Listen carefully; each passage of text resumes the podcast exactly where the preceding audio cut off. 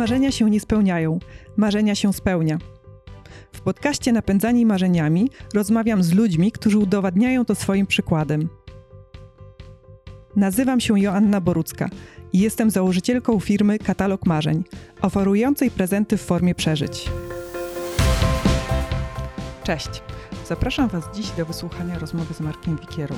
Marek jest przedsiębiorcą, liderem, trenerem przede wszystkim w kontekście tej rozmowy człowiekiem, który realizuje niezwykłe wyzwania. Jest osobą, która ukończyła jako jedna z 78 osób na świecie Four Deserts Grand Slam. To jest y, y, takie wyzwanie, które polega na przebiegnięciu czterech y, bardzo trudnych pustyń, czterech biegów po 250 km na czterech różnych kontynentach. Będziemy rozmawiać o tym, będziemy rozmawiać o tym, jak także bardziej lajtowe wyzwania sportowe zrealizować. Będzie sporo o treningu mentalnym. Myślę, że to jest e, ciekawy temat i jeszcze dosyć nieznany dla dosyć e, dużej liczby osób. Serdecznie Was zapraszam. Mam nadzieję, że znajdziecie w tej rozmowie dużo inspiracji dla siebie.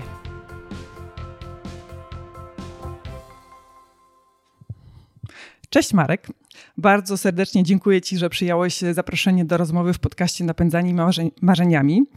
E, twoje dokonania pokazują, że tam mu, muszą cię napędzać potężne marzenia, bo e, osiągnąłeś, e, zrealizowałeś niezwykłe wyzwania sportowe. Wśród nich był także Four Deserts Grand Slam, czyli tego typu wydarzenie czy konkurencja, która jest uważana przez The Times jako jedno z dziesięciu wyzwań najbardziej, czy wyzwań, które wymagały największej wytrzymałości. Jak ty to osiągnąłeś? O tym będziemy rozmawiać w dużej mierze, ale może najpierw wyjaśnijmy naszym e, słuchaczom, naszym widzom, na czym w ogóle to polega.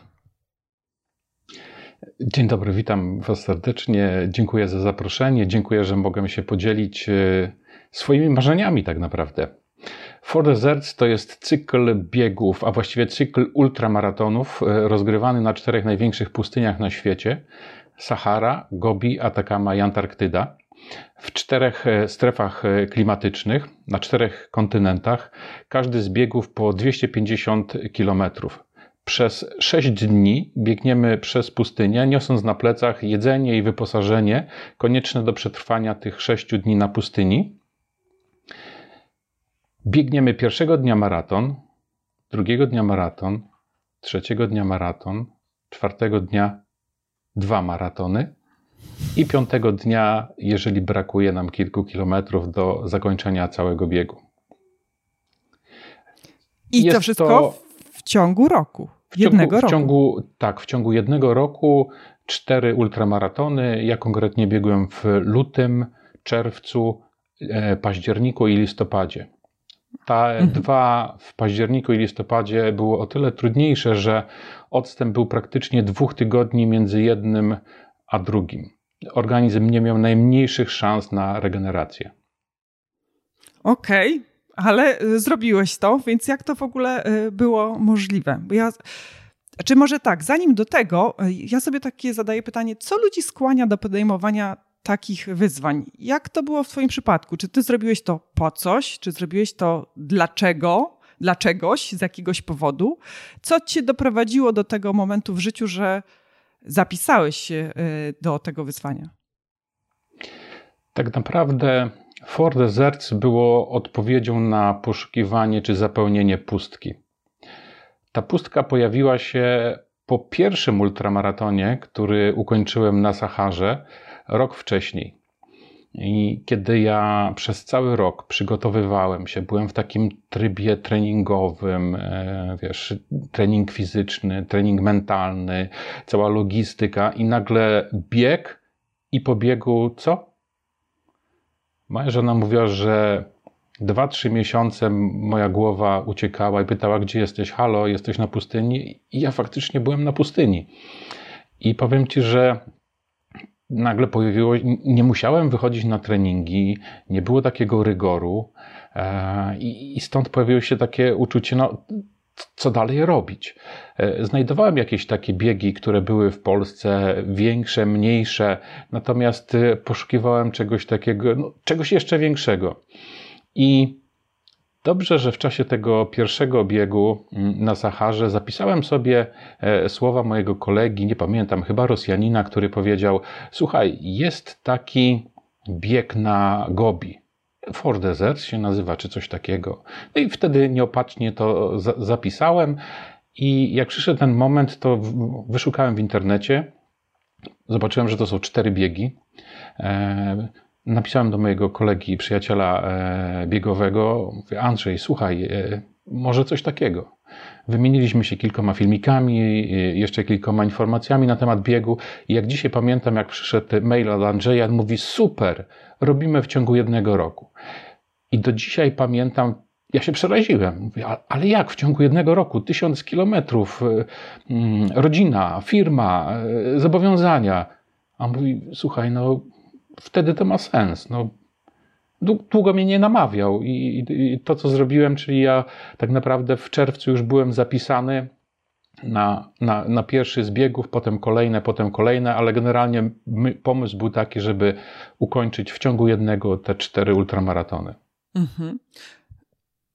Czyli było wcześniejsze to wyzwanie, które też jest na liście tych top 10 właśnie wyzwań takich wytrzymałościowych. Ono jest na ósmym miejscu, a mhm. Ford Desert jest na szóstym. Y, powyżej tego już nie ma żadnych y, biegów. Mhm. Czyli to jest najwyższe, mm, y, najwyższe zawody, nie wiem jak to powiedzieć, najwyższe... O najwyższym, nie wiem, stopniu uciekł, trudności pod tym względem. Mi tak pod tym względem Najtrudniejsze wyzwanie wytrzymałościowe człowieka. Mhm, mhm, tak. E, no dobra, co było przed tą Saharą? Ja będę drążyć. Ja będę drążyć, nie, nie, bo jasne, mnie to jasne, ciekawi. Jasne, oczywiście, z przyjemnością. Mm, przed Saharą tak naprawdę było kilka biegów, mm, przy czym dwa to były e, ekstremalne maratony. Albo może zacznę w ogóle od mojej przygody, y, jak się zaczęło u mnie bieganie. Wiesz, ja pamiętam jak dzisiaj stałem w przymierzalni i chciałem ubrać koszulę e, XL. -kę. Tylko XL. -kę. I ja po prostu się w nią nie mieściłem. E, ja przez dwa lata wcześniej e, chodziłem na siłownię i przez te dwa lata zbijałem 108 kg chciałem zamienić e, e, tłuszcz na mięśnie.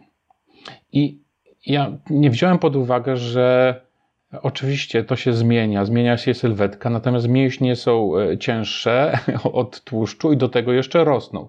I w tym momencie, jak stałem tam w tej przymierzalni, powiedziałem: Nie, no to już tak nie może być. To, to co jest takie, co może spowodować, że ja zrzucę kilogramy? No to może będzie bieganie. I z moim kolegą rozpoczęliśmy kilka treningów. Gdzieś chyba koło piątego on mówi, nie, to jest trudne, nudne, organizacyjnie nie dajemy rady. Ale ja już jak zacząłem, to dobra, no to chociaż raz, chociaż jedno przebiegnę. Ale jak zacząłem trenować, wiesz, to był asfalt, ścieżki, myślę sobie, nie no faktycznie to jest nudne to może wymyślę coś takiego, co, co by było pociągające. I wiesz, i, i znalazłem w internecie bieg, nazywał się bieg katorżnika. To jest bieg rozgrywany, to jest pierwszy bieg OCR-owy w ogóle w Polsce, czyli taki terenowy. E, zobaczyłem, że tak naprawdę e, jest około 12 km, przy czym z samego biegu to jest 800 metrów. Reszta to jest brodzenie w wodzie i w rowach melioracyjnych. I mówię, kurczę, ale to jest to. Jest to.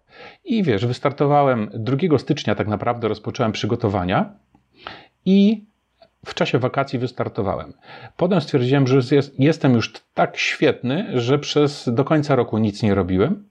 W następnym roku pomyślałem sobie, fajnie by było wystartować jeszcze raz w, czym, w tym biegu, więc 2 stycznia rozpocząłem treningi i w wakacje wystartowałem.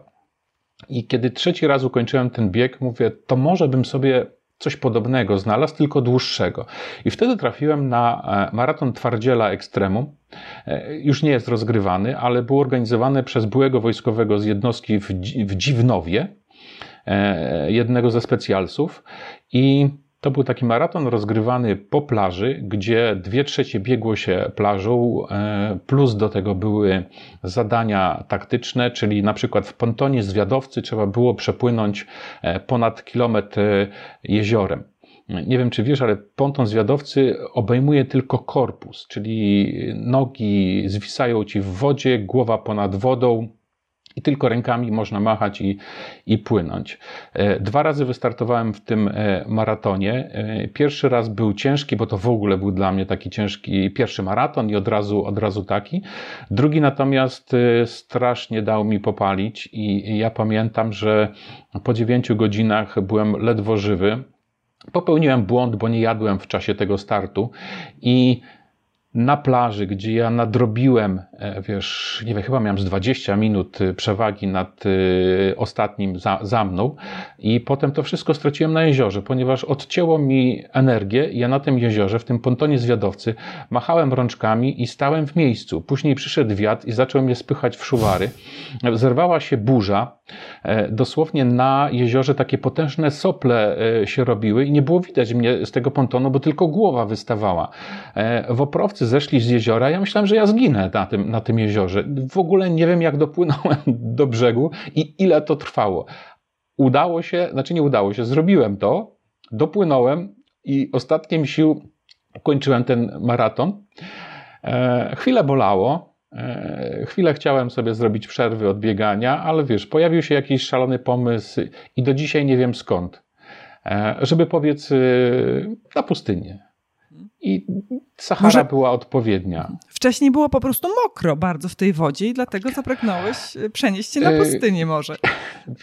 Wiesz co, naprawdę nie pamiętam jak to się zadziało, dlatego że ja generalnie jestem poukładany. Czyli gdybym normalnie miał wystartować w takim biegu i już w głowie bym się mentalnie nastawił, że będę to robił, to najpierw bym tak sprawdził, e, gdzie, co, jak, podpytał osób, które już w tym startowały, mm, zebrał opinie, a ja po prostu wziąłem się i zapisałem. I zapłaciłem. I wtedy już y, właśnie dla mnie nie było odwołania. Natomiast y, nie wiem, co się zadziało. Ja po prostu tak nie funkcjonuję. I to był, do dzisiaj się zastanawiam, dlaczego to się stało. Jestem wdzięczny oczywiście, że tak, tak to się potoczyło ale nie potrafię sobie przypomnieć dlaczego. Mhm, mhm. No to takie impulsy to są właśnie te momenty, e, te life changing, prawda? E, zmieniające życie, że wydarza się coś, tak miało być pewnie.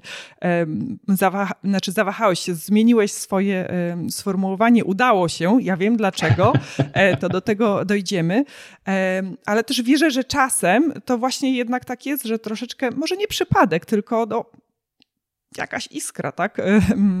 Tutaj ja, sprawia, ja powiem że... Ci, ja powiem Ci szczerze, że nie, powiem szczerze, że e, doświadczyłem później takiej iskry i kiedy ja skończyłem e, For Deserts i żona stwierdziła, rok czasu prawie cię nie było, bo jak byłeś w domu, to też cię nie było, bo byłeś na treningach, zakaz opuszczania kraju. Bo ja oczywiście już w głowie miałem kolejne e, wyzwania. Natomiast faktycznie mówię, dobrze, okej, okay, no to Zgadzam się. Zgadzam się, zostaję, zostaję w kraju. I półtora roku chyba trwało coś takiego, że ja szukałem jakiegoś wyzwania.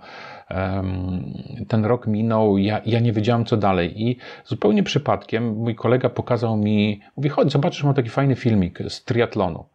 A ja, ponieważ y, z pływaniem u mnie było tak sobie, mówię, no okej, okay, no dobrze, zobaczę. I tam był film z Norsemana. To jest ekstremalny triatlon rozgrywany w Norwegii. I jak ja to zobaczyłem, i to było iskra. I od tamtej pory już mnie nie trzeba namawiać do triatlonu. Zakochałem się, jak zobaczyłem, jak zawodnicy piąta nad ranem z promu pasażerskiego skaczą do wody na fiordach. chcę tak. Po prostu tak chcę. I oczywiście jeszcze mi się nie udało, ponieważ tam jest losowanie. 3000, ponad 3000 chętnych, a tylko 250-300 miejsc. Więc staram się dostać na te zawody, e, natomiast wymaga to w tym wypadku szczęścia. I to była ta taka iskra, którą, którą już, już wiem, o czym mówisz. E, ona, ona zapaliła, ja już nie miałem kłopotów z motywacją, e, wiesz, z wychodzeniem na treningi, z tym, że bolało albo czegoś mi się nie chciało. Jak przypominałem sobie ten filmik i przypominałem sobie chyba to uczucie, którego doświadczyłem, patrząc pierwszy raz na to, reszta nie miało znaczenia. Ja, ja tak naprawdę od tamtej pory zacząłem trenować triatlon. Właściwie zacząłem się, na, nauczyłem się pływać. Mm, jak zacząłem trenować pływanie, to okazało się, że ja wcześniej tylko walczyłem o życie i nie trenowałem, a dopiero później nauczyłem się pływać, ponieważ nie udało mi się dostać do, do Norwegii na te zawody. Mm, odszukałem innych. Okazało się, że w Polsce jest jeden z trudniejszych triatlonów w Europie, jeżeli nie na świecie. Nazywa się Hardasuka. I to jest taki triatlon, który zawiera w sobie element. On ma 5 km e, pływania w wodach Zalewu Orawskiego, 10-12 stopni. Do tego 225 km na rowerze wokoło Tatr przy przewyższeniu 3000 metrów i jeszcze dodatkowo 55 km biegu ultra Granio Tatr przy przewyższeniu 5000. Na to wszystko jest 30 godzin i na szczęście można mieć ze sobą support, a właściwie trzeba, bo nikt nie byłby w stanie pokonać tego e, o własnych siłach. Tak powiedziałem, nikt nie byłby, ale pewnie, pewnie ktoś by się znalazł, kto. O własnych siłach zrobił. w sensie tak logistycznie, tak? Bo ten support. Chodzi o logisty... to... Mhm. Tak, tak. Tutaj chodzi o logistykę, dlatego że potrzebne jest wyżywienie. E, nie byłoby szansy, żeby zmieścić go gdzieś na rowerze. Warunki atmosferyczne się zmieniają. E, ze względów wiesz, też bezpieczeństwa to jest, to jest ważne. W Norsemanie też trzeba mieć support, czyli w tych takich ekstremalnych triatlonach zawsze, zawsze gdzieś tam jest z tobą przynajmniej jedna osoba z samochodem. Mhm. I zrobiłeś to? Nie. Nie udało? Nie? Dwa razy nie zrobiłem. E, to jest moje wyzwanie, do którego będę podchodził trzeci raz. Za pierwszym razem zabrakło 40 km, za drugim zabrakło 14.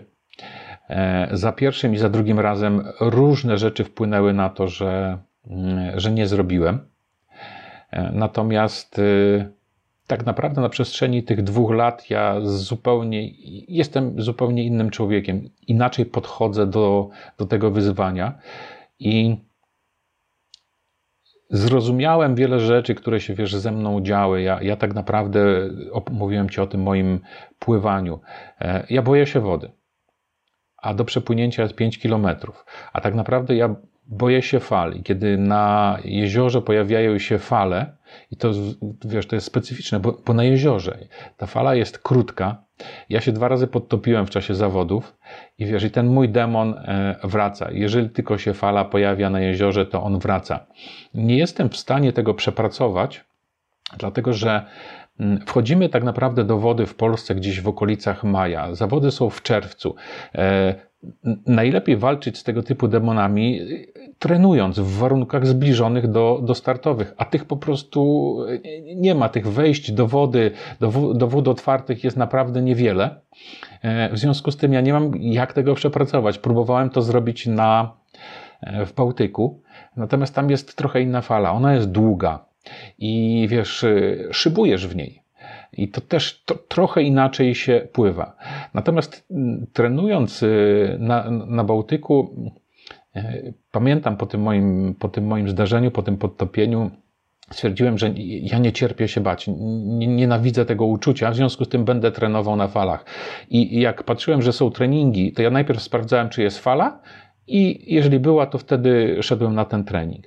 Mm, I pamiętam, dwa razy WOPR ściągał mnie z wody, bo bali się, że się utopię. E, natomiast e, w którymś momencie porozmawiałem z jednym z woprowców, który też wiedziałem, że jest triatlonistą i opowiedziałem mu moją historię. I mówię, że się boję, boję tego, tych fal. A on mówi, wiesz co, a ja się boję głębi. I nie wiem, dlaczego tak to na mnie zadziałało, że jakoś tak pozytywnie. I on mówi do tego, mówi, wiesz co? Nie walcz z tymi falami. Po prostu płyń. Nawet gdybyś miał wrażenie, że one cię ciągną z powrotem do brzegu, to jest tylko wrażenie, bo ty powoli przesuwasz się do przodu. I faktycznie tak było. Jak trochę mnie odblokowały te jego słowa, i później to, co powiedział, że ja mimo wszystko nadal płynę. Te, tego popołudnia powiem Ci, że tych moich wejść do wody na fale było kilkanaście chyba, i, i, i to takie trochę uczucie e, uwolnienia. Natomiast y, pojawiło się, wiesz, demon przychodzi w momencie, y, wtedy, w czasie hartej suki, on znowu się pojawił. E, no i niestety, dwie i pół godziny płynąłem, wyszedłem ostatni z wody, co oczywiście potem przekłada się na kolejne etapy, czyli na rower y, i na, na, na pływanie, może nawet nie fizycznie, e, ale jednak ta głowa już nie pracuje tak, jak wiesz, było to, tak jak mhm. była przygotowywana. Mhm. Mhm. O rany, e, poruszyłeś tak dużo ciekawych rzeczy, że teraz nie wiem do czego nawiązać, ale mam takie jedno pytanie, które na pewno chcę ci zadać.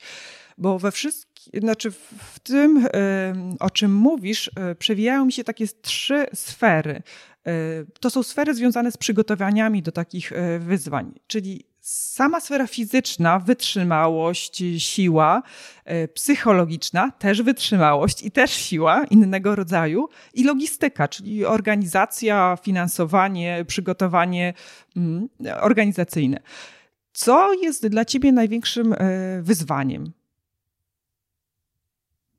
z tych trzech obszarów?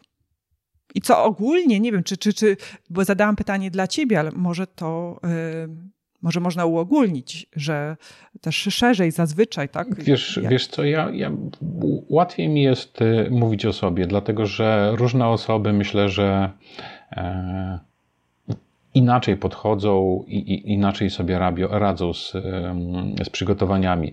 Tak jak wymyśliłaś, tak jak powiedziałaś, y, dla mnie to są trzy istotne elementy i, i, właściwie trudno powiedzieć, że któryś z nich jest ważniejszy mm, albo któryś jest mniej ważny, e, ponieważ wiadomo tak, przygotowanie fizyczne, no, ja dużo trenowałem, e, nie wiem, do hardej suki to były treningi rzędu 16 godzin w tygodniu. E, tak naprawdę nie miałem dnia wolnego, bo każdego dnia był jakiś trening, a w dwa dni w tygodniu były po dwa treningi, czyli rano i wieczorem. I dla mnie przygotowanie fizyczne też jest dbaniem o moje poczucie, moje bezpieczeństwo. Czyli po to trenuję i dobrze się przygotowuję, żeby nie narazić siebie. To też jest, wiesz, to jest też moja argumentacja dla żony. Mówię, słuchaj, widzisz ile tego robię, więc jest szansa, że nie zejdę na zawał e, w trakcie. Mój organizm jest na tyle przygotowany, że dam radę. Oczywiście zdarzają się wypadki i na pustyniach też były wypadki, gdzie, gdzie serce dwóch zawodników zginęło, serce nie wytrzymało. Mm, najczęściej są to jakieś wady ukryte serca i, no i coś się dzieje. No ale zobacz, ile osób w Polsce biega. Oczywiście były przypadki śmiertelne, ale tak naprawdę to są statystyczne, które się zdarzają. Mhm. Są osoby, które też ryzykują, wiedząc, że są chore, ale biegają. Drugi element to jest przygotowanie mentalne. E, niejednokrotnie ludzie pytają mnie, Marek, ale co tam się dzieje w głowie na pustyni? I ja powiem Ci szczerze, że tam się niewiele dzieje, dlatego że to jest taki stan trochę medytacji. Te myśli sobie przebiegają, przychodzą i odchodzą, przychodzą i odchodzą. I weź też pod uwagę, że w trakcie tak dużego wysiłku, co robi organizm? Oszczędza energię. A gdzie idzie najwięcej energii? Na myślenie. Mhm. Więc tak naprawdę w trakcie samego biegu niewiele jest tego myślenia. Ja realizuję z góry przyjętą strategię. I trzeci element, czyli cała logistyka. E, zobacz, e, brak jednego czy dwóch elementów może spowodować, że nie ukończysz biegu. Tak naprawdę to wszystko jest y, istotne i to wszystko trzeba zebrać y, w całość. To dotyczy mojego przygotowania i ja uważam, że pustynia, czy bieg przez pustynię, to już jest wisienka na torcie. Cała robota jest wykonywana tutaj na miejscu w kraju. Ja tam jadę tylko na 6 dni i tylko zrealizować zadanie. Ja już się nie zastanawiam, wiesz, tam na miejscu ja już nie planuję. Ja mam wszystko przygotowane tutaj, e, w Polsce i tutaj mam przetestowany sprzęt, tutaj e, spędzone setki godzin na treningach, wiem co mnie boli, po której godzinie, jak bardzo i co mam z tym zrobić. Ja tam jadę tylko, wiesz, wykonać zadanie. Mhm. A jak do tego doszedłeś? Bo zerknę tu do moich notatek. Dotychczas y, policzyłam dzisiaj, y, jedynie 78 osób y, mm, przebiegło, przebiegło właśnie cały Four Deserts Grand Slam od początku jego istnienia, tak? 78 osób. Niedużo, bardzo niedużo, tak? Więc to, to, to nie jest, a w, w momencie, kiedy mm, tobie znowu przychodzi mi do głowy magiczne sformułowanie, udało mi się. Kiedy ty dokonałeś e, tego przedsięwzięcia, to było 47 osób, prawda? W tym roczniku, w którym, tak, w którym ty w 2014 roku ukończyłem Four Deserts i tam wtedy było 47 osób. Tak, czyli nie było zbyt wielu osób, od których można było się uczyć. Skąd ty czerpałeś wiedzę? Jak, jak, jak się do tego e, przygotowywałeś? Wiesz co, ja tak naprawdę no miałeś maraton Może piasków tak wcześniej. Miałem za sobą maraton piasków, który to była niesamowita wiedza tak naprawdę i którą gdzieś tam e, czerpałem z moich błędów. Mm, na maratonie piasków miałem szansę przetestować e, sprzęt. E, miałem szansę też zobaczyć, jak mój organizm funkcjonuje. Ja tak naprawdę ten maraton piasków był dla mnie takim mm, sprawdzianem i ja, ja, w ogóle nie przypuszczałem, że ja w przyszłości będę pobiegnę jeszcze na pustynię. E, I, a, ale ten maraton piasków był takim sprawdzianem. Też widziałem, co się działo z innymi biegaczami. I wiele elementów y, zmieniłem tak naprawdę po maratonie piasków. Przede wszystkim zacząłem treningi z trenerem. Ja wcześniej wydawało mi, wydawało mi się, że skoro mam biegać takie długie dystanse, to powinienem jak najwięcej czasu spędzać właśnie na treningach. I jak przychodził weekend, no to ja biegałem, nie wiem, po 5-6 godzin po to, żeby przyzwyczaić organizm. Później, kiedy rozpocząłem przygotowania z trenerem, okazało się, że ja mniej czasu spędzałem na treningach, biegałem szybciej, moja wytrzymałość była większa. Od tamtego momentu nie ruszam się na zawody bez trenera. Trenera takiego fizycznego, od właśnie budowania siły i wytrzymałości. Y, tak, użyłeś sformułowania fizycznego. Y, zaraz ci powiem. Mój trener faktycznie fizycznie istnieje, to jest Wojciech Staszewski. Natomiast przed maratonem, przed Fort Desert, ja nie widziałem go na oczy trenowaliśmy zdalnie, online, nawet nie kontaktowaliśmy się telefonicznie. To było tak, że na podstawie mojego wywiadu Wojtek zrobił, przygotował plan treningowy, co tydzień przygotowywał i ja tylko ten plan treningowy realizowałem, wysyłając mu raporty. W międzyczasie były jeszcze zawody, takie starty sprawdzające postępy i tak naprawdę ja przygotowywałem się do For Desert Online jeżeli chodzi o, o trening.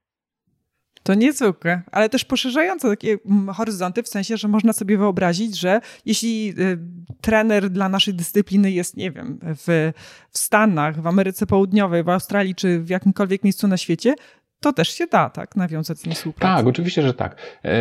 Później, kiedy przygotowywałem się, zobacz, do triatlonu.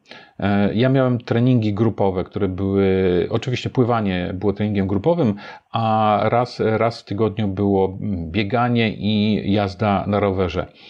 I to są takie elementy, które są trudne do, do ocenienia, bo, bo wiesz, trener jest y, tym kimś, kto mówi ci, że jesteś w stanie zrobić jedenasty raz.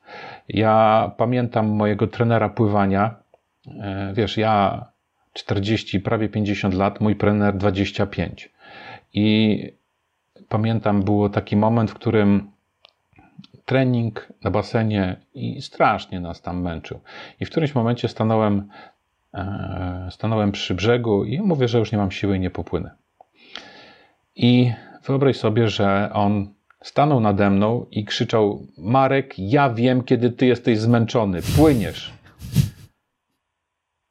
wkurzyłem się strasznie. Wiesz, stoję, no co mi może zrobić? I wyobraź sobie, że on tam stał nade mną i gwizdał i mówił, płyniesz, i gwizdał, i płyniesz, gwizdał, i płyniesz. Nie wytrzymałem. Mówię, kurczę, udowodnię ci, że nie jestem w stanie tego zrobić.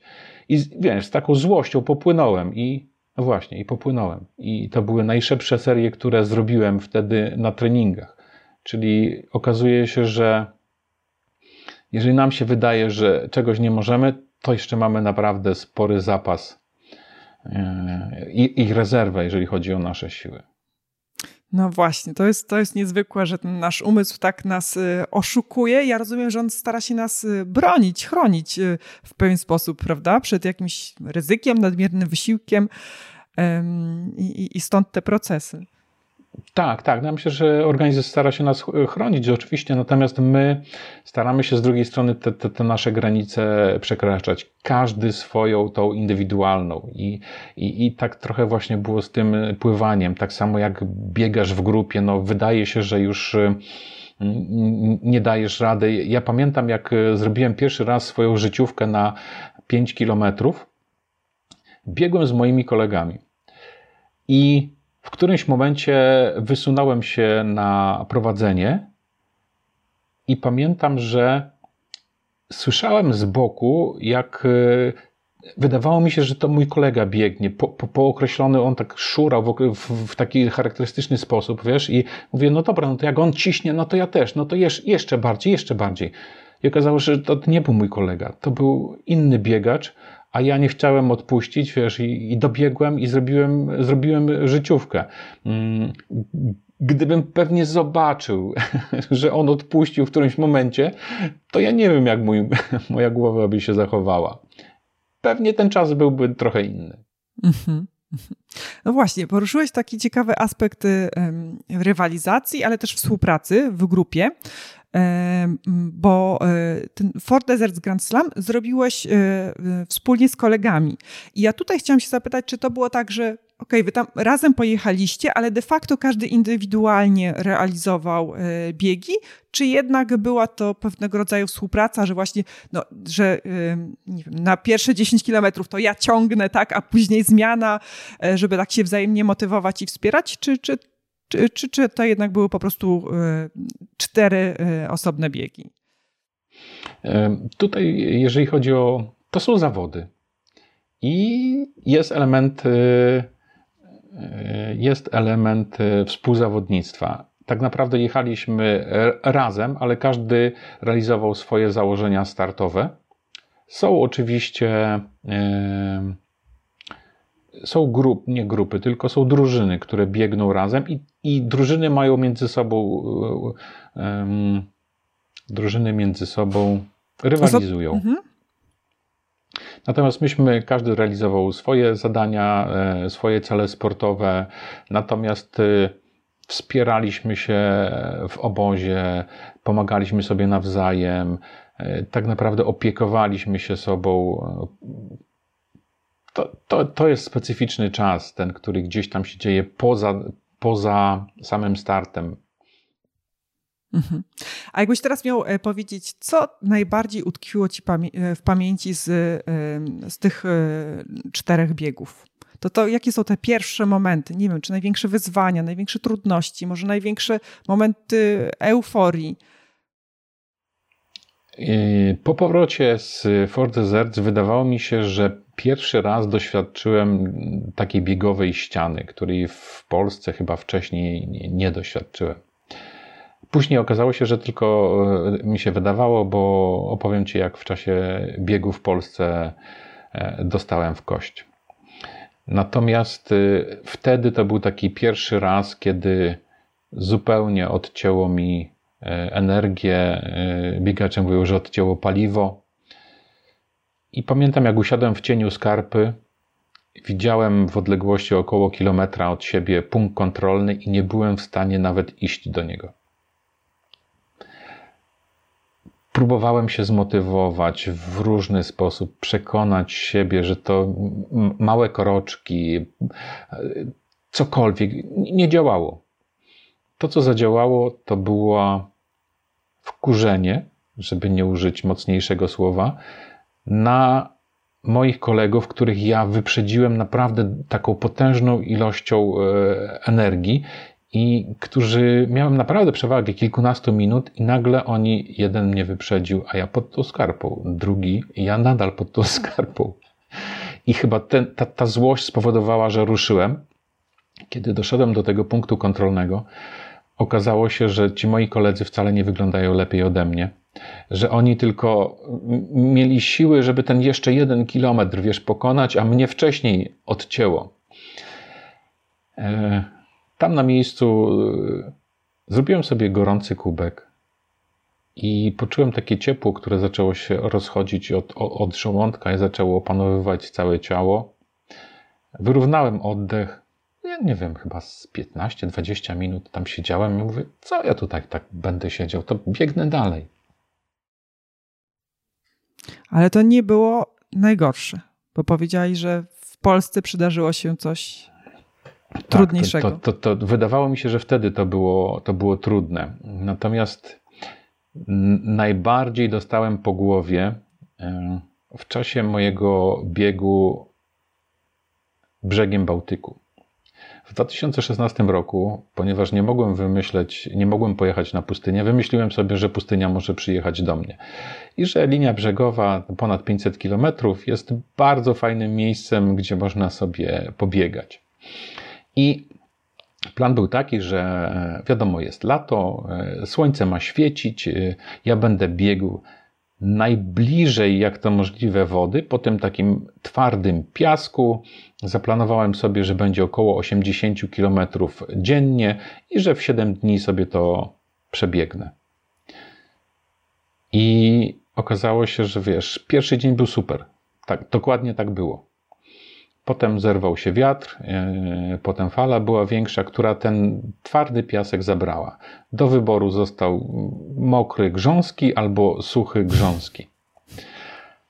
Trzeciego dnia po zakończeniu, po zakończeniu etapu okazało się, że pod kolanami jest taki mały mięsień, nie, nie pamiętam teraz jego nazwy, i yy, w obu nogach ten mięsień wysiadł. Ja wyglądałem pod koniec dnia tak jak Adam Małysz, wiesz, wychodzący z progu. I nie byłem ani w dół, ani, ani w górę wyprostować nóg.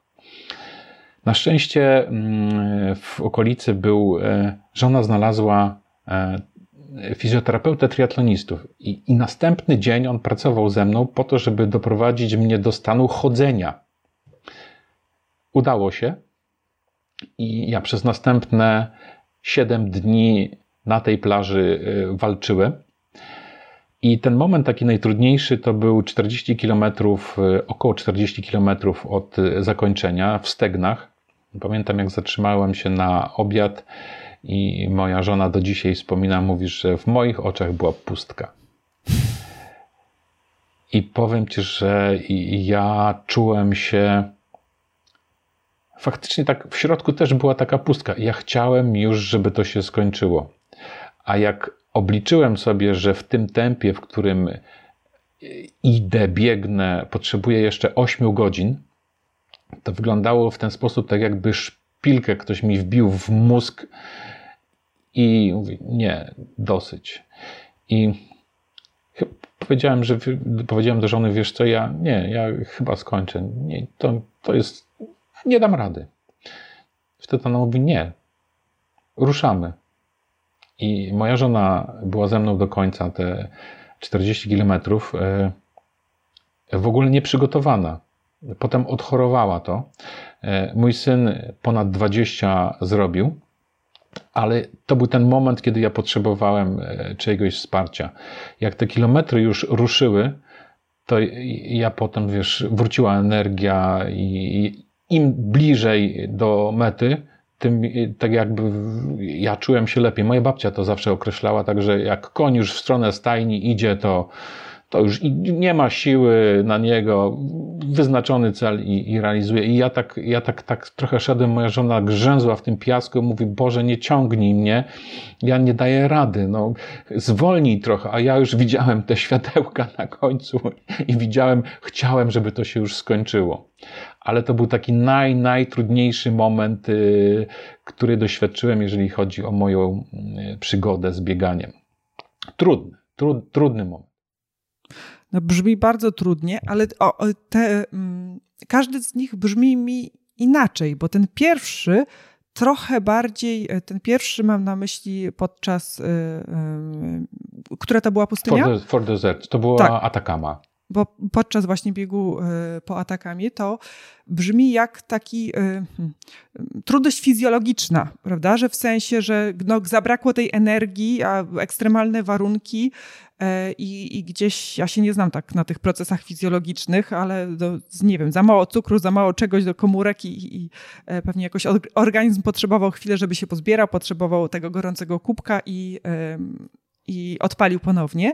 A ten przykład y, polski to brzmi bardziej jak takie już zmęczenie, połączenie fizycznego, ale też właśnie z tym psychicznym, prawda? Że po tylu dniach ta końcówka i, i ta pustka właśnie. Więc to ciekawe dla mnie jest, jakie różne procesy się toczą e, w człowieku.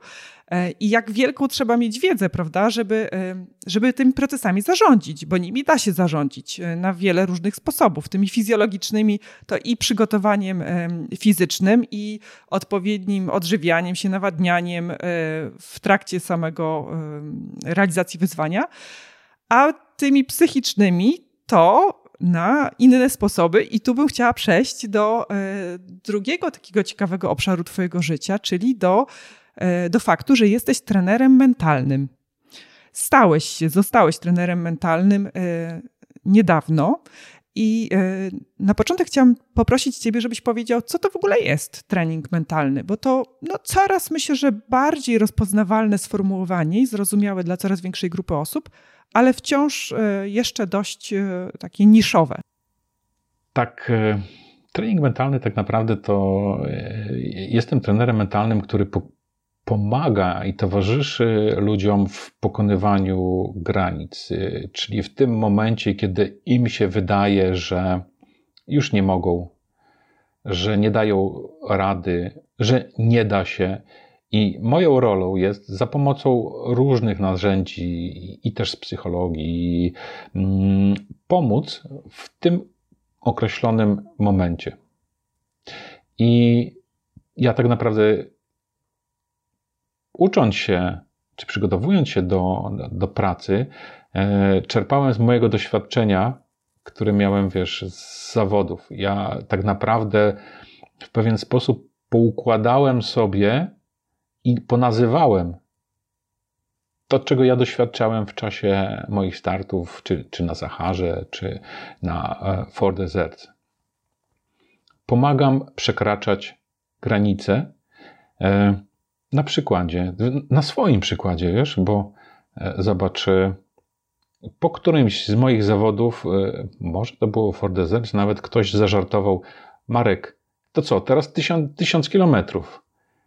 I ja nie zacząłem się zastanawiać, u mnie w głowie nie było takiego myślenia, nie no, bez przesady, no, tysiąc, tylko wiesz, nagle zaczął się proces, ok, tysiąc kilometrów, to ile musiałbym się miesięcy przygotowywać, co musiałbym, jaki sprzęt zgromadzić, czy ktoś już takie, coś takiego zrobił, jak go podpytać, jak zebrać najwięcej informacji.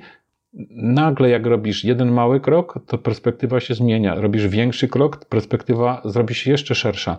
Mm, tak naprawdę, no, na dzień dzisiejszy, rzucone wyzwanie jakieś biegowe, ono nie stanowi problemu. Trzeba tylko sprawdzić, e, jak się do niego przygotować. Mm, ja niejednokrotnie, e, e, może chciałabyś pobiec na pustyni?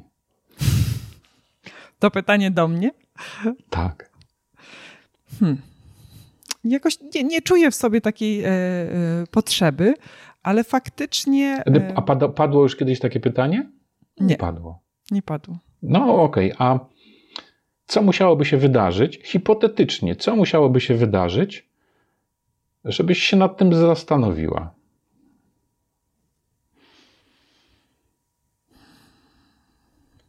No pewnie, jakbym wiedziała, że to może, nie wiem, komuś mi e, w tym pomóc, e, e, że to może komuś albo mi pomóc w czymś, to pewnie wtedy bym się zastanowiła. Tak. Tak. No okej, okay. a gdybym ci powiedział, że większość tych biegaczy na maratonie piasków ma jakiś cel charytatywny.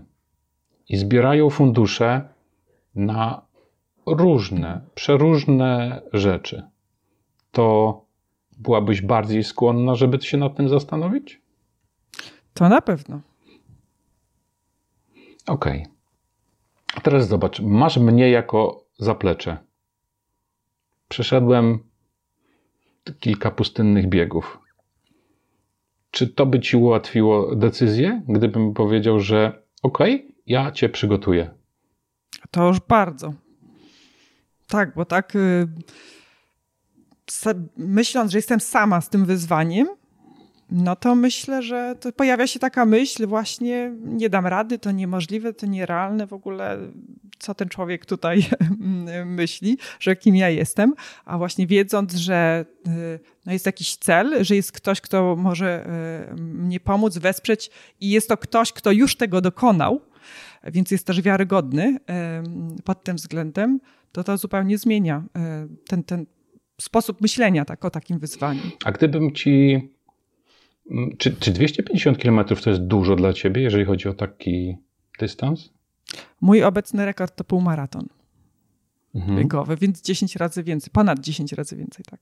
12. No ale zobacz, e, zrobiłaś półmaraton. Tam jednego dnia jest maraton, drugiego dnia maraton, czyli jednego dnia przebiegasz 40 kilometrów między tymi 40 kilometrami są trzy punkty kontrolne, co około 10 kilometrów. Czyli musisz tylko 10 kilometrów przebiec. 10 kilometrów? Mhm. 10 kilometrów? 10 kilometrów. Między tymi, między w tej dziesiątce jest zawsze chorągiewka. 5 kilometrów, czyli połowa dystansu. A tak naprawdę te 10 kilometrów to jest tylko 10 razy po 1000 metrów a 1000 metrów wyznaczają chorągiewki co około 100 mhm. metrów, które pokazują, którędy masz biec. Może nie warto zastanawiać się nad całym dystansem, tylko przebiegnij 200 metrów, potem kolejne 200 metrów, kolejne 200 metrów. Ja... A gdybym ci na przykład mhm. powiedział, że jest grupa piechurów, która od początku z założenia tylko idzie. Hmm to byłoby ci łatwiej podjąć tą decyzję? Tak, to zdecydowanie. A naprawdę tak? Tak jest, że niektórzy, że są tacy, którzy tylko idą? Tak, dokładnie. Mhm. Czyli jest grupa hartów, jak ja ich nazywam, mhm. która walczy o, o, o, pozycję. Jest cały ten środek i są piechurzy. Mhm. Wśród tych piechurów też są osoby niepełnosprawne. E, są niewidomi, są osoby, które są e, po amputacji kończyn i to jest, one dostają limit czasu kilkanaście, no może nie, 10 do 12 godzin, w zależności od etapu, ale idą w innym tempie. I idąc w wolniejszym tempie, są w stanie e, oszczędzać energię. Ja w ogóle to ich podziwiam, bo przez tyle godzin znajdować się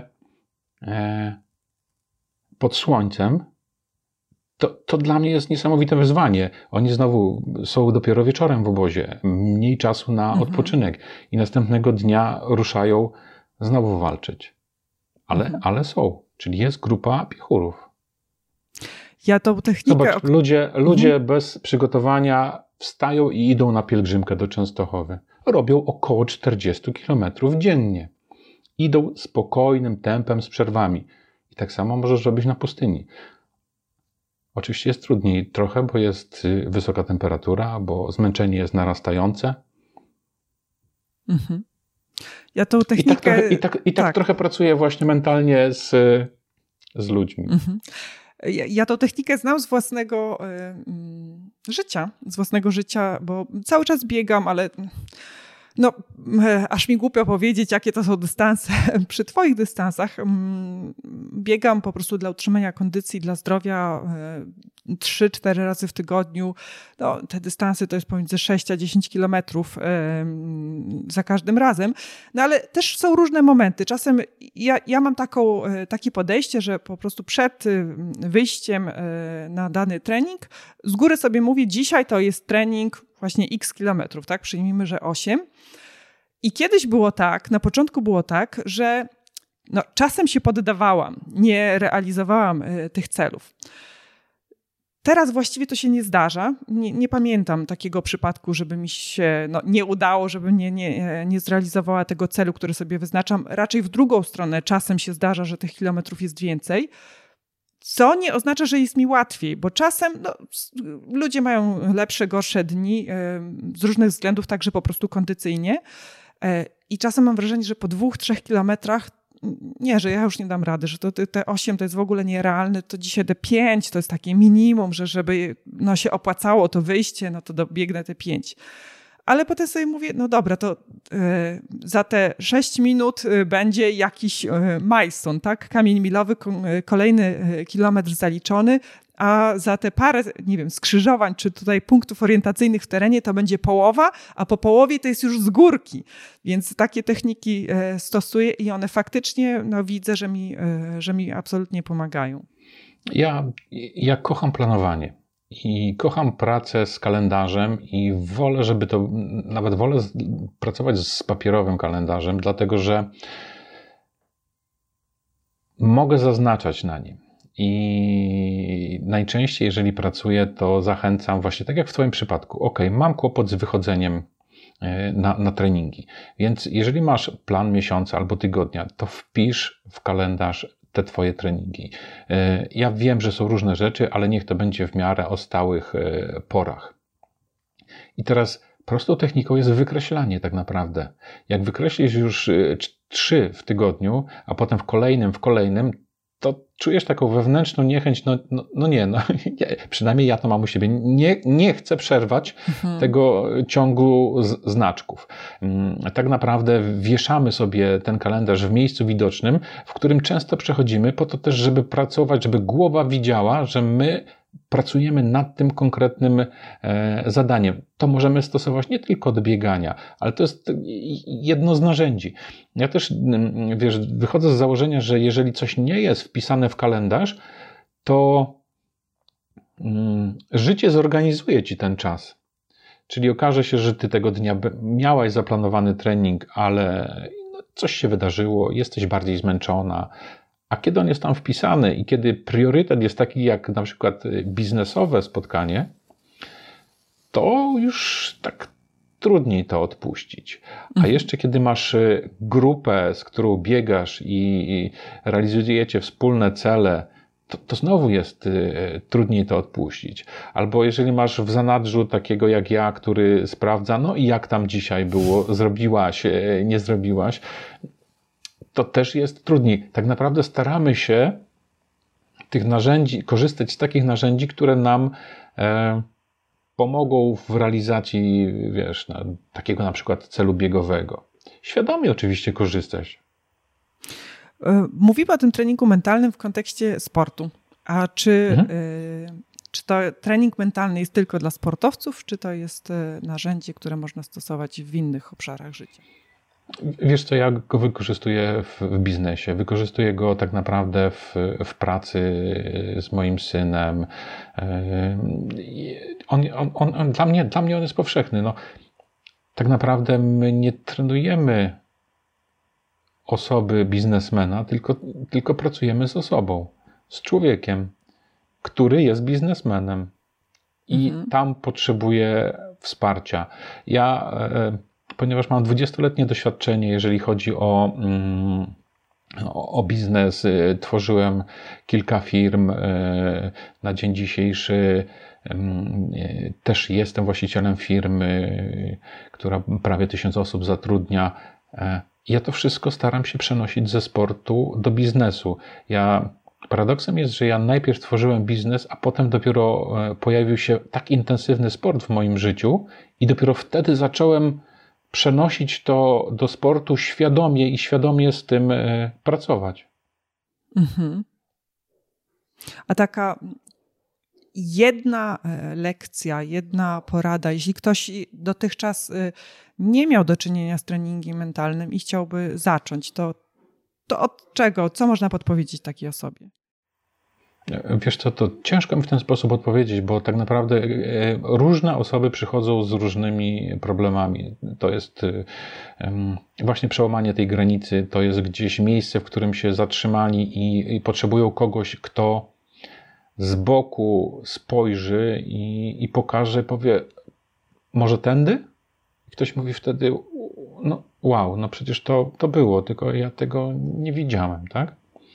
Ja tak naprawdę pracując z mentalem, y, bardziej bym to, to moją pracę nazwał jako praca mentora, dlatego że oczywiście dobrze jest, jak popełnia się, znaczy dobrze, chciałem powiedzieć, że dobrze jest, jak się popełnia błędy. Y, błędy ja nas zgadzam. uczą, błędy nas uczą i szybciej nas uczą niż y, wszystkie inne rzeczy. Natomiast wydaje mi się, że Moją rolą jest, y, jeżeli znam jakąś drogę na skróty i, i mu, mogę uchronić od, od takiego błędu, to jako mentor e, po prostu pomagam. I wykorzystuję te wszystkie elementy, spinając, spinając je w całość. Też oczywiście pracuję z moimi kontaktami, udostępniam moje kontakty. Ja swoje przetrenowałem też, y, jeżeli chodzi o, o biznes, urzędy, banki tak naprawdę tym się dzielę, prowadząc, y, prowadząc sesję z moimi menti. Mm -hmm. Ja bardzo zachęcam do y, obserwowania Ciebie w mediach społecznościowych. Teraz jesteś w trakcie publikowania takiego cyklu, jak rozumiem, y, cyklu postów, które pokazują różne właśnie techniki, metody stosowane w sporcie, jak można je zaadaptować do takich warunków już bardziej biznesowych. No, dla mnie one są bardzo inspirujące, życiowe, i takie konkretne, bym powiedziała. Wiesz co, ja mm, lubię pracować, z, zaczynając pracę z ludźmi, lubię zaczynać od sportu. Dlatego, że w sporcie dosyć szybko osiągasz efekty, czyli jeżeli przebiegłeś półmaraton, może się okazać, że za chwileczkę to będzie 25 km, albo zaczniesz poprawiać swój czas. I ja pracuję na sporcie, a to w taki trochę naturalny sposób zaczyna się implementować do innych y, obszarów naszego życia. I przechodzić też do biznesu. I też się okazuje, że mm, nie wiem, prosta technika. No, muszę wychodzić rano na trening, bo później nie mam czasu y, na, na, na bieganie albo, albo na, na inny sport. I wiesz, zaczynam sobie układać kalendarz, w który też zaczynam wplatać y, moje spotkania biznesowe, mm, moje życie rodzinne, czas dla mnie i tak naprawdę pracujemy na sporcie, próbując te, zaplanować treningi, ale jednocześnie w innych obszarach też układamy e, na, nasze życie. Mhm. Staram się pokazać, że sport, biznes, one nie są wcale odległe. Zobacz, poruszyłem w czasie, w tych publikacjach poruszyłem temat snu.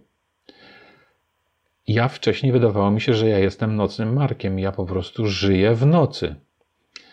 Ale kiedy zacząłem trenować triatlon i musiałem wstać na basen i to była 4.50, to ja nie mogłem kłaść się o 24 albo o 1 w nocy. Więc zobaczyłem, że muszę co najmniej o 23 być w łóżku, a to bycie w łóżku to jest na zasadzie wyłączam już wszystko i, i próbuję zasnąć. Jeżeli ktoś ma kłopot z zasypianiem, musi to troszeczkę przesunąć. Musimy sprawdzić, jakie ktoś ma zapotrzebowanie na sen. U mnie to jest 6 godzin, więc yy, wiedziałem 20. Tak. Okej, okay, ale wiesz, to nic złego. No, jeżeli to jest 7 albo, albo więcej godzin, to to naprawdę nie jest nic złego. No, widocznie tyle twój organizm potrzebuje, ale w związku z tym troszeczkę inaczej e, planujesz. Mm, I okazało się, że jak ja zmieniłem trochę ten mój cykl, czyli 23 byłem w łóżku, 5 e, wstawałem, e, do godziny 7 już mam kilka rzeczy biznesowych zrobionych, plus jeszcze wiesz, po drodze medytacja, to, to jest godzina 9. Ja część rzeczy mam zrobione jeszcze pełen sił i ja czuję, że się rozkręcam dopiero. Mhm. Oczywiście przychodzi godzina 21 albo 22 i już oczy na zapałki, bo organizm potrzebuje odpocząć. Natomiast tym, którzy pracują po 20, dla nich uważają, że jest czas. U mnie ten czas był taki mało produktywny. Była książka, ale było dużo mediów społecznościowych, e, była telewizja, e, więc stwierdziłem, że tak naprawdę z tego mogę zrezygnować. Na rzecz wcześniejszego wstawania. Mhm. Marek, to nasza e, rozmowa tyle różnych wątków mm, wywołuje, że ja bym mogła ją ciągnąć i ciągnąć i ciągnąć i mam nadzieję, że będzie jeszcze e, ku temu okazja, ale dzisiaj, żeby dać szansę e, słuchaczom wysłuchania jej w całości, to, to, mm, to chyba jest taka potrzeba, żebyśmy zmierzali do końca. I na koniec chciałam Ci zadać pytanie o to, jakie marzenie masz na liście przed sobą, jakie teraz Cię napędza? Pierwsza rzecz, którą zrobiłem, to podjąłem decyzję, że już nigdy nie będzie takiego momentu, żebym ja nie miał do przodu zaplanowanego jednego dużego marzenia. Nie chcę doświadczyć tego momentu szukania, wymyślania. W związku z tym w 2021 roku chciałbym pobiec z synem przez Saharę ponieważ chciałbym, chciałbym, żeby on przeżył to, co, to, co ja przeżyłem. Mhm. Uważam, że to jest ogromna wartość, którą ja mogę mu dać jako młodemu człowiekowi, który wychodzi w dorosłość. Ja długo się zastanawiałem, e, jak go ukierunkować, w, w co go jeszcze wyposażyć. I stwierdziłem, że w tak zmieniającym się obecnym świecie, tak szybko się zmieniającym, jeszcze to, co mamy dzisiaj, czyli wirusa, ja nie mam szansy. Ja, ja nie wiem po prostu. I taki bieg przez pustynię, przygotowania do tego biegu i znowu ten aspekt fizyczny, mentalny, e, logistyczny, to będzie taki fundament, który on dostanie e, na swój start w dorosłość i który będzie wykorzystywał też znowu we wszystkich obszarach swojego życia. I to jest moje marzenie na 2021 rok. Jeżeli wszystko dobrze by się złożyło, to chciałbym też w tym roku, w tamtym 2021 wylądować e, na triatlonie na Saharze, ponieważ też jest taki rozgrywany. 2022 to jest e, Harda Suka. Chciałbym dokończyć to wyzwanie. Po drodze jeszcze Norseman, być może by się zdarzył. E, więc mam to wyprzedzenie dwu, trzyletnie. E, ja tak naprawdę pracuję z moimi marzeniami, ja, ja, ja ich szukam. E, jeżeli gdzieś w którymś momencie pojawia się jakaś iskra, to ja po prostu to zapisuję. W jednym z moich postów, pamiętasz, napisałem, że mojego syna zapytałem, o czym on marzy. To było kilka lat temu. I, I on mi odpowiedział, że on niczym nie marzy. Że wszystko ma.